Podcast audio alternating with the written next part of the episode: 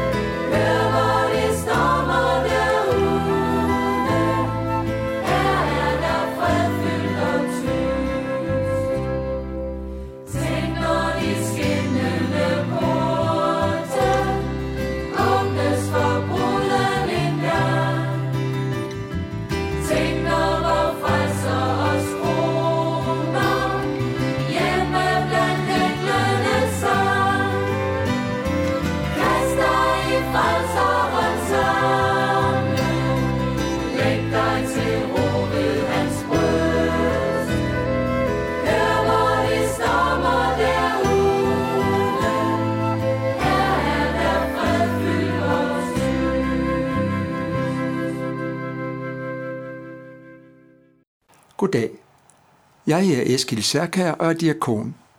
I denne uges notabene gennemgår jeg nogle vers sammen med jer fra breven, brevet til Romerne kapitel 1.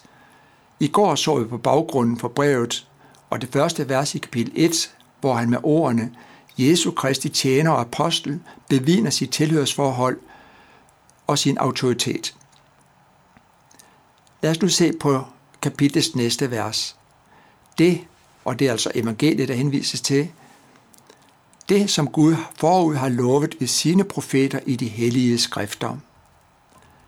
Det første apostlen siger om evangeliet om Jesus er, at Gud har forudsagt, eller og forjættet kan man også sige, forudsagt det i Gamle Testamente, som i Nyt Testamente flere gange kaldes de hellige skrifter. Gud har altså talt om dette frelsesbudskab længe før han sendte Jesus til jorden for at gå i døden for os. Gud har forudsagt det gennem sine profeter, og derfor vidner Jesus såvel som de nytestamentlige forfatter om, at alt det, der er sket, også sker i forbindelse med Jesu komme og gerning, for eksempel hans lidelse, død og opstandelse, er bevinet igen og igen i det gamle testamente. I Lukas kapitel 24 siger Jesus endda, at alle skrifter i det gamle testamente vidner om ham. Skriften er altså et guddommeligt værk. Alle skrifter i det gamle og det nye testamente er derfor pålidelige og troværdige, fordi Gud står bag hver eneste af dem. Lad os nu se på det næste vers, der præciserer, at alle disse hellige skrifter dybest set altid handler om, og så citerer jeg evangeliet om hans søn, Jesus Kristus, vor Herre, som menneske komme af Davids slægt. I det nye testamente henvises der direkte til evangeliet over 100 gange, og 23 gange i det gamle testamente, men hvor man dog har valgt at oversætte det med glædesbudet. Et eksempel derfra finder vi Esajas 52, som, op, som giver optakten til Jesu lidelseshistorie i kapitel 53. Der står der, Hvor livlig er på bjergene glædesbudets fodtrin, Han, som udråber fred, bringer gode tider, udråber frelse, som siger til Sion, din Gud har vist, han er konge. Jo, evangeliet om Jesus er i sandhed et glædesbud, for det er jo evangeliet om den frelse, som man, giver, som man giver til enhver, som tager imod den. Det er det, Paulus også henviser til i det næste vers. Evangeliet om hans søn, Jesus Kristus vor Herre, som menneske kommet af Davids slægt. Af det gamle testamente fremgår det klart, at når Jesus kommer, altså første gang, vil han blive født som et menneske af Davids slægt, og derfor bliver han også ofte kaldt for Davids søn. Dengang Bibelen kun bestod af det gamle testamente, kunne jøderne læse gentagende løfter fra Gud om, at den lovede Kristus, og det er på hebraisk det Messias, ville komme af Davids slægt og kaldes hans søn, og han skal frelse sit folk, altså Guds folk, fra det sønder. Det stemmer med det, der står i Lukas kapitel 1, vers 31-33, hvor englen Gabriel siger til Maria om det barn, hun skal føde, at han skal blive stor og kaldes den højeste søn, og Gud Herren skal give ham Davids, hans faders trone. Han skal være konge over Jakobs hus til evig tid, og det skal ikke være ende på hans kongedømme. Jøderne var ikke i tvivl om, at disse ord henviser til og betyder, at Gud dermed ville besøge sit folk for at opfylde de løfter om Messias, han er givet til David. Men for at gøre det, måtte Jesus blive født som en menneske som os, som dig og mig. Men samtidig står der også i verset, at han skal kaldes den højeste søn, det vil sige Guds søn. Det er også det, Paulus fremhæver i det næste vers, hvor han skriver, at Jesus, og så citerer jeg igen vers 4, i kraft af helligheds ånd er stadfæstet som Guds søn med magt og vælde, da han opstod fra de døde. Han var allerede Guds søn. Det var, derfor var det, at englen sagde, at han skal kaldes den højeste søn. Og derfor var det, at da Jesus senere blev døbt, lod Gud sin røst høre fra himlen i det han sagde, Denne er min søn, den elskede.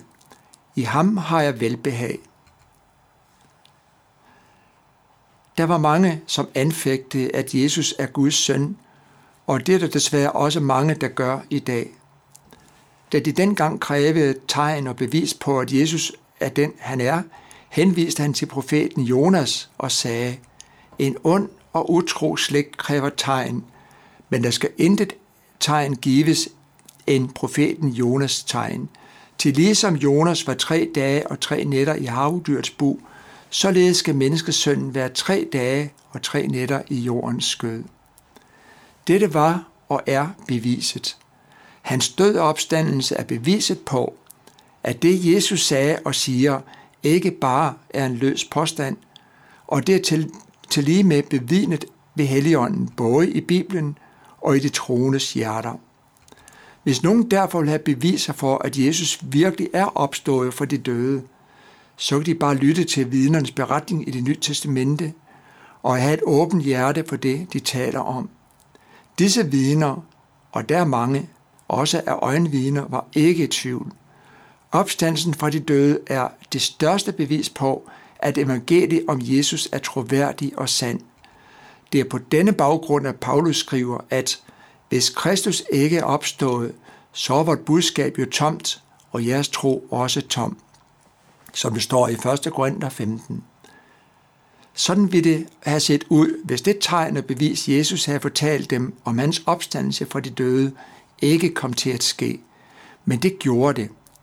Derfor fortsætter Paulus med disse triumferende ord i de næste vers i 1. Korinther 15. Men nu er Kristus opstået for de døde som en første grøde af de hensårede. Til fordi døden er kommet ved et menneske, er også de dødes opstandelse kommet ved et menneske. Døden kunne ikke fastholde Jesus, fordi han er dødens sejrherre. Derfor kan han også helt og fuldt frelse dem, som tror på ham, som der står. Det betyder konkret, at enhver, som tror på ham, en dag skal opstå for de døde, som Jesus gjorde det dengang. Ja, nu når vi desværre ikke mere i dag, men jeg håber, at I lytter med i morgen, når vi fortsætter med de næste vers. Så vil jeg ønske dig Guds velsignelse til dig, som lytter.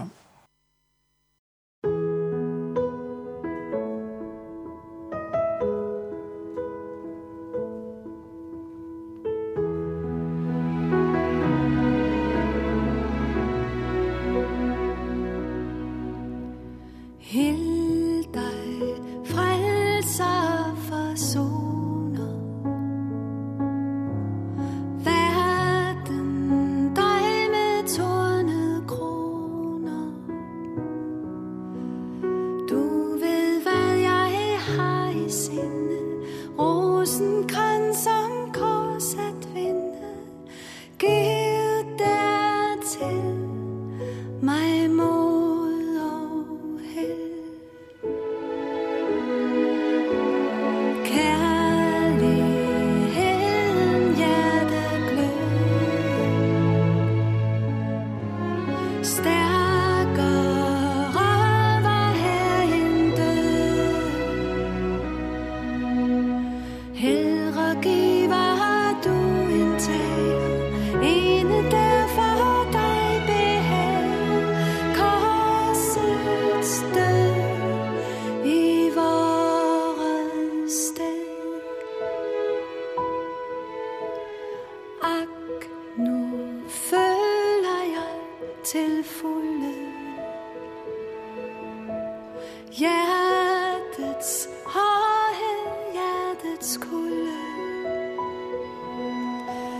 Hvad udsprang af disse fjelle?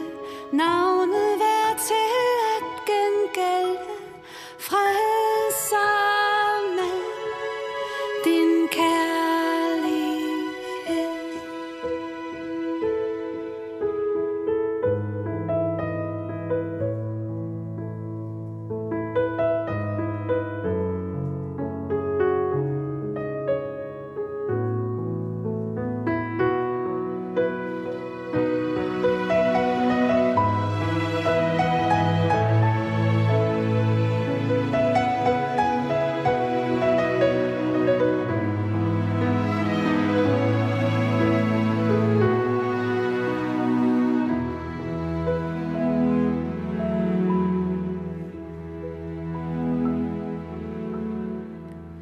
Floden som